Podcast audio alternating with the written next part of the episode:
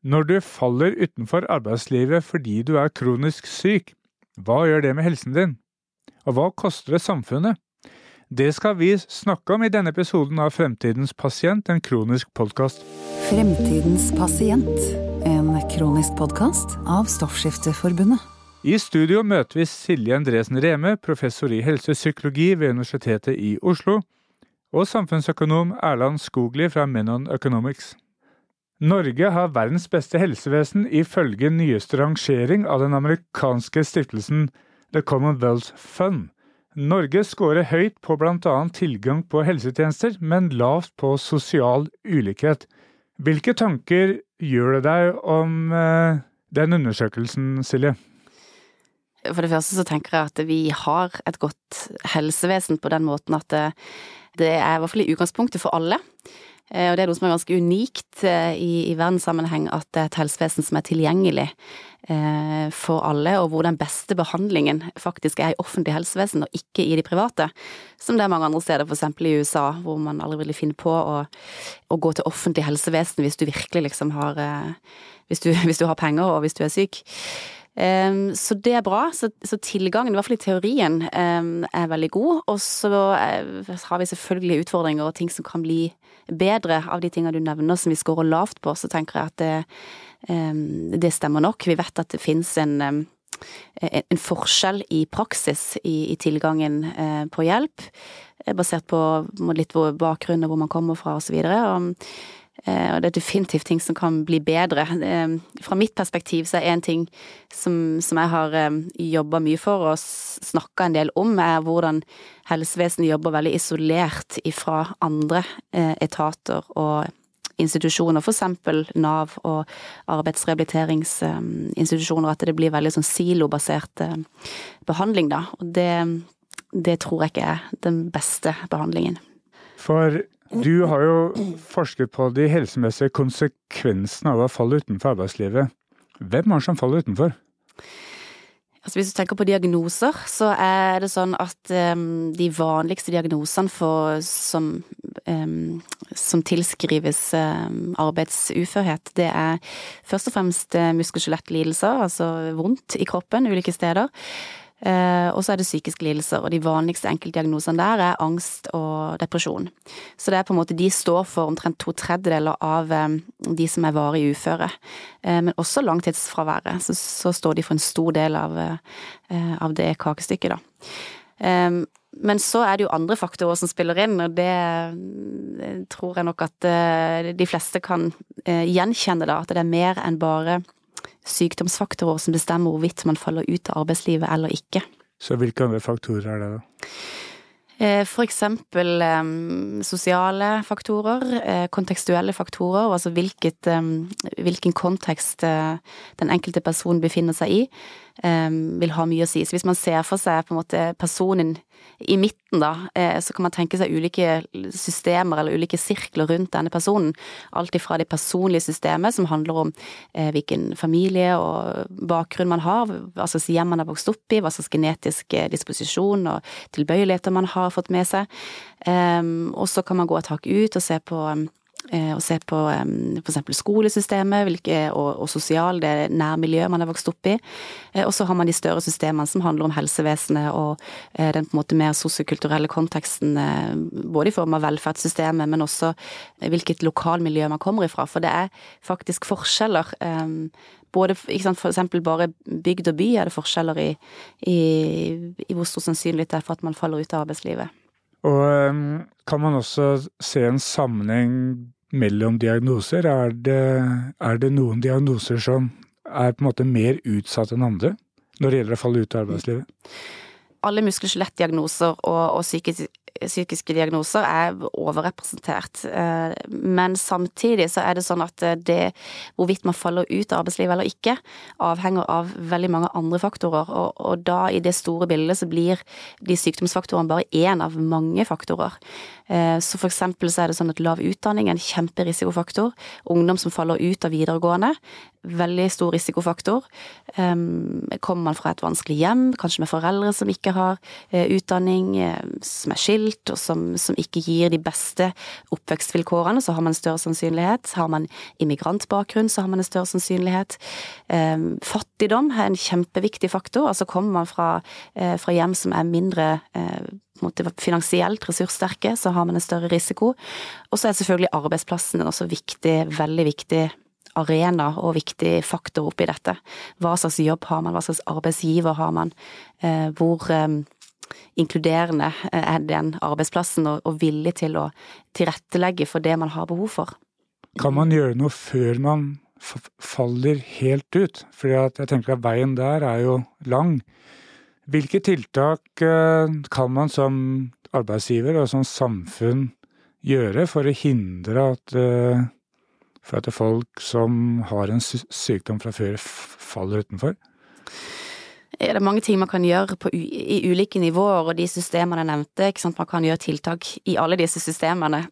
Alt ifra det personlige systemet, hvor man kan gjøre individtiltak, hvor det finnes eh, eh, gode verktøy og, eh, og, og tilnærminger som kan styrke den enkelte personens evne til å mestre det man står i. Det er ikke alltid man kan forandre på eh, situasjonen. Har man en kronisk sykdom, så har man en kronisk sykdom. Eh, det er ikke alltid man kan forandre på miljøet rundt seg, men man kan alltid for, på en måte jobbe med hvordan man forholder seg til det. Så der finnes det gode tiltak på individnivå. Men når det gjelder dette store spørsmålet, hvordan kan vi på en måte forebygge at flere faller ut, så må det også håndteres et, i et større perspektiv, tenker jeg. Og se på hva kan arbeidsplassen gjøre, hvordan kan vi få eh, arbeidsgivere og arbeidsplasser som er mer inkluderende og mer villig til å se på eh, helse som et kontinuum, som jo det er. Det er jo ikke sånn at det finnes en absolutt skille mellom frisk og syk. Vi alle beveger oss langs dette kontinuumet, og i perioder i livet så vil veldig mange av oss falle innenfor en liksom, sykdomskategori, eller være på liksom, den dårlige sida av det kontinuumet. Mm. Um, og det mener jeg at arbeidslivet bør ha rom for, og at det, det er tiltak på fra arbeidsplasssida som bør gjøres for å bidra til at folk faller ut.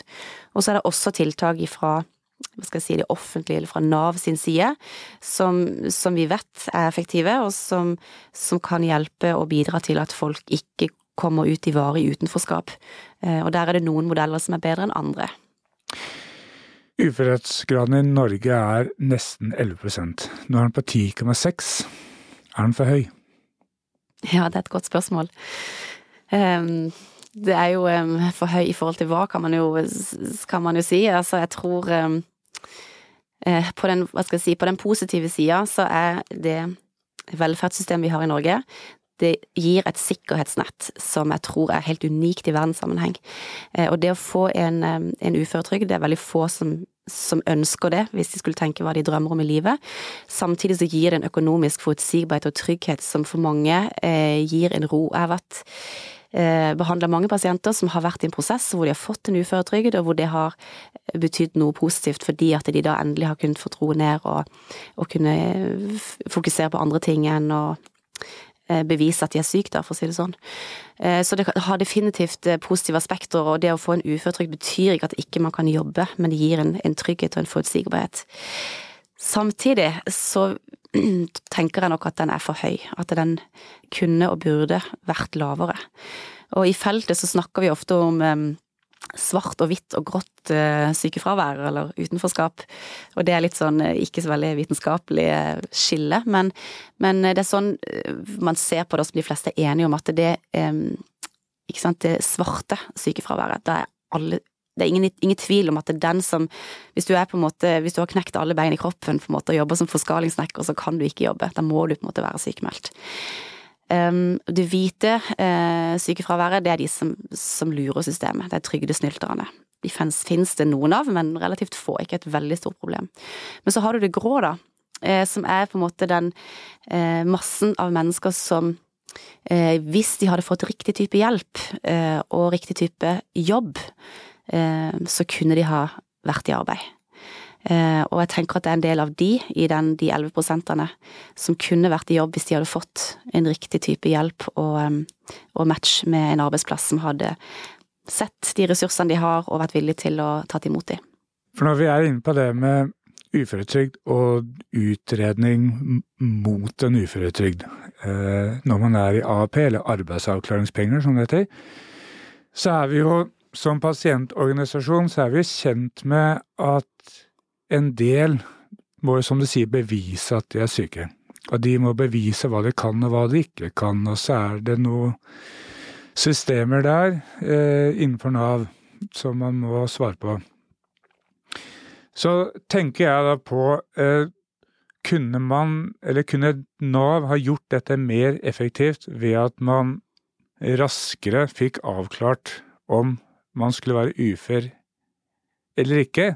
Eh, og det er todelt spørsmål. Og det andre er hvilken helsemessig innvirkning har det på hver enkelt at man er i en uavklart situasjon? Det er krevende for den enkelte å være i en uavklart uh, situasjon. Og så vil jeg samtidig si at en del trenger lang tid for å komme seg tilbake. En del av grunnene til at man faller ut av arbeidslivet, um, enten det er for utbrenthet, psykiske lidelser, eller det er for uh, komplekse, sammensatte smertetilstander, eller hva som er grunnen, så, så kan det ta ganske lang tid. Uh, så det er ikke så enkelt å, å få avklart um, alle disse uh, fortere enn det de gjør i dag. Eh, og nå har det jo vært en endring i AAP-ordningen som har kutta litt ned på den. Eh, jeg tror ikke det har hatt de ønska eh, effektene, for å si det sånn. Og det har nok også vært bidratt til å skyve en del ut i sosiale ytelser, som gjør situasjonen enda vanskeligere. Så uten å mene for mye om om på en måte de strukturelle ordningene, så, så, tenker jeg at eh, noen trenger god tid. Eh, og de trenger, men de trenger også en, en ro i den tida til å faktisk få, eh, få behandling og få den nødvendige type rehabilitering, da. Fordi, som jeg nevnte, så finnes det gode og må, dårlige måter å jobbe på, og da tenker jeg mer fra Nav sitt perspektiv. Den tradisjonelle måten å hjelpe folk til å, å komme tilbake i jobb på, Eh, har kanskje ikke vært så veldig god, mens det finnes nye måter å jobbe på som, som hjelper enda flere, da. Altså når man da har falt utenfor, da, hvilken sammenheng er det mellom den psykiske helsen og den somatiske helsen, altså det vil si sammenheng mellom den psykiske helsen du får av å falle utenfor, og hvordan den påvirker den sykdommen du hadde i utgangspunktet? Mm. Det å stå ufrivillig utenfor arbeidslivet over lengre tid, det har dramatiske konsekvenser for helsa, ikke bare den psykiske, men også den fysiske. Eh, og når vi ser på litteraturen sånn samla sett, eh, og hvilken risiko det faktisk innebærer, så er det, også, så er det faktisk dokumentert en mer enn dobla risiko for tidlig død uavhengig av alt annet, bare ved å, altså det å stå utenfor arbeidslivet, det er forbundet med en Det gir en, mer en dobla risiko for å få flere eh, somatiske sykdommer og lidelser. Og det gir selvfølgelig en stor risiko for psykisk uhelse. Og særlig for noen grupper som er særlig utsatt, f.eks. unge menn, eh, er særlig utsatt for høy suicidrate. Der er vi så høyt som 25 ganger høyere sannsynlig at, eh, at de vil gjøre et suicidforsøk dersom de står lenge utenfor arbeidslivet. Så det har ganske dramatiske konsekvenser som jeg mener er underkommunisert. De fleste har kjent på kroppen hvis de har stått utenfor jobb at dette er ikke, det er ikke bra for meg å stå utenfor arbeidslivet. Jobb gir jo en struktur på hverdagen, det gir mening og mestring. Ehm, men det er ikke alle som vet hvor store konsekvenser det kan ha på helsa vår. Men hvor lang tid eh, tar det før man eh, merker at helsa blir dårligere? Er det mulig å si noe om det? Tidsperspektivet? Vanskelig å si noe eksakt, eh, men etter hvert som ukene og månedene går, så blir terskelen for å komme tilbake høyere og høyere. Eh, og eh, det tror jeg mange kan kjenne igjen også, at når liksom månedene begynner å gå, da eh, er det andre faktorer enn eh, sykdommen og plagene i seg sjøl som kanskje blir den høyeste terskelen. Man kan begynne å lure på om i det hele tatt er det jeg ønska tilbake, har noen andre tatt over jobben min, vil jeg klare det? Og man kan, liksom, Selvtilliten er jo den som rammes først når man, man faller utenfor. Så, men det er jo en sånn, rent sånn prognostisk så er det sånn at hvis man har vært ute i ett år, lenger enn ett år, så er sannsynligheten for å noensinne komme tilbake veldig lav. Så man bør egentlig altså gjøre noe, intervenere, før det har gått ett år. Altså med intervenere, så mener du? Hjelpe. Både fra helsevesenet, altså gi god behandling. Både måte, psykisk og fysisk. Og fra, fra Nav og arbeidssida gi god individuell oppfølging for å hjelpe den enkelte til å komme tilbake enten til den samme jobben, hvis det er det man ønsker, eller til en ny jobb hvis man trenger å Hvis ikke man har en jobb fra før, eller hvis man trenger å skifte fordi at ikke den arbeidsplassen har vært god. Det er ikke alle jobber som er bra for helsa. Ehm, så må finne noen som er en god match. Det syns jeg var en god oppsummering eh, på denne samtalen, eh, Silje Andresen Reme, og takk for at du ble med i vår podkast. Tusen takk for meg. Fremtidens pasient, en kronisk podkast av Stoffskifteforbundet. Neste gjest er Erland Skogli fra Menon Economics. Velkommen til studio, Erland. Takk. Hva er det dere gjør i Menon Economics? Nei, Som navnet antyder, så er det jo økonomi det, det er snakk om. Så vi er et miljø med ca. 70 ansatte nå, samfunnsøkonomer stort sett, som jobber med å beregne verdien av ulike ting i samfunnet, sånn at vi kan gjøre bedre beslutninger. Eh, myndighetene kan gjøre bedre beslutninger og prioriteringer basert på, på tall uh, som handler om økonomi. Ditt ansvarsområde er da annet hvor mye sykdom koster samfunnet, er det korrekt å si?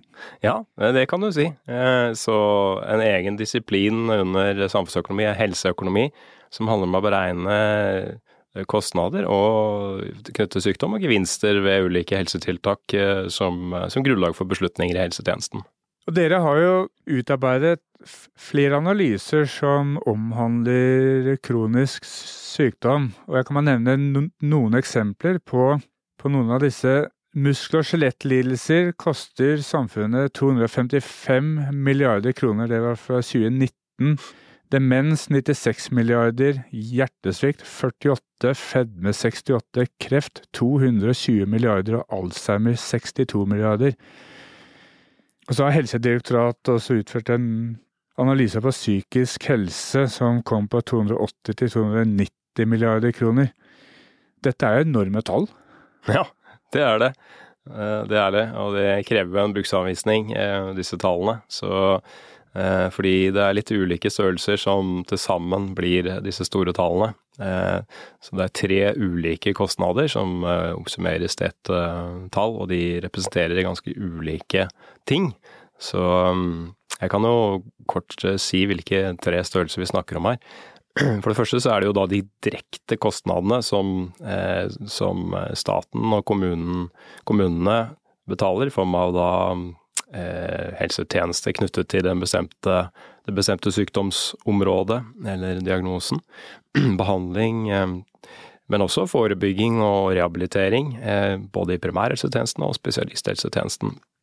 Det er de direkte kostnadene, eh, som ofte eh, kan være store, de, men vi vet jo at vi har totale helsetjenestekostnader i Norge på ja, rundt, tenker jeg landet på rundt 420 milliarder i, i år.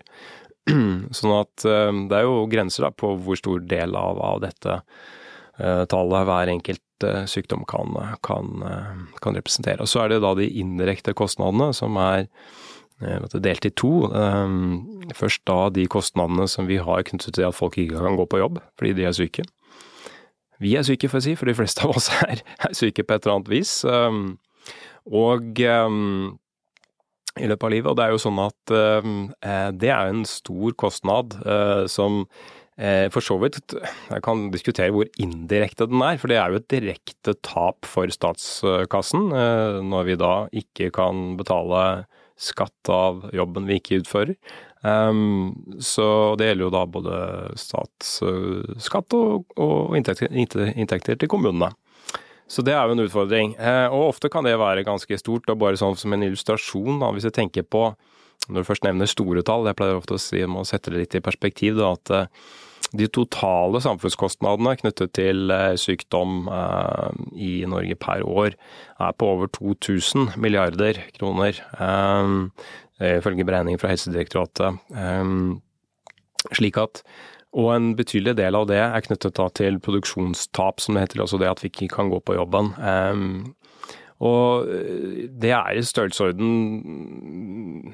ja, på snittet sånn oljeinntekter per år. Så altså hadde vi kunnet gå på jobben eh, eh, i stedet for å være syke, så hadde vi også rett og slett hatt den samme ekstrainntekten som hele som, som olje, oljen har gitt oss. Så det er jo viktig å eh, Så er det sånn at eh, den tredje posten eh, av de indirekte kostnadene, det er den samfunnsøkonomiske verdien av sykdomsbyrden.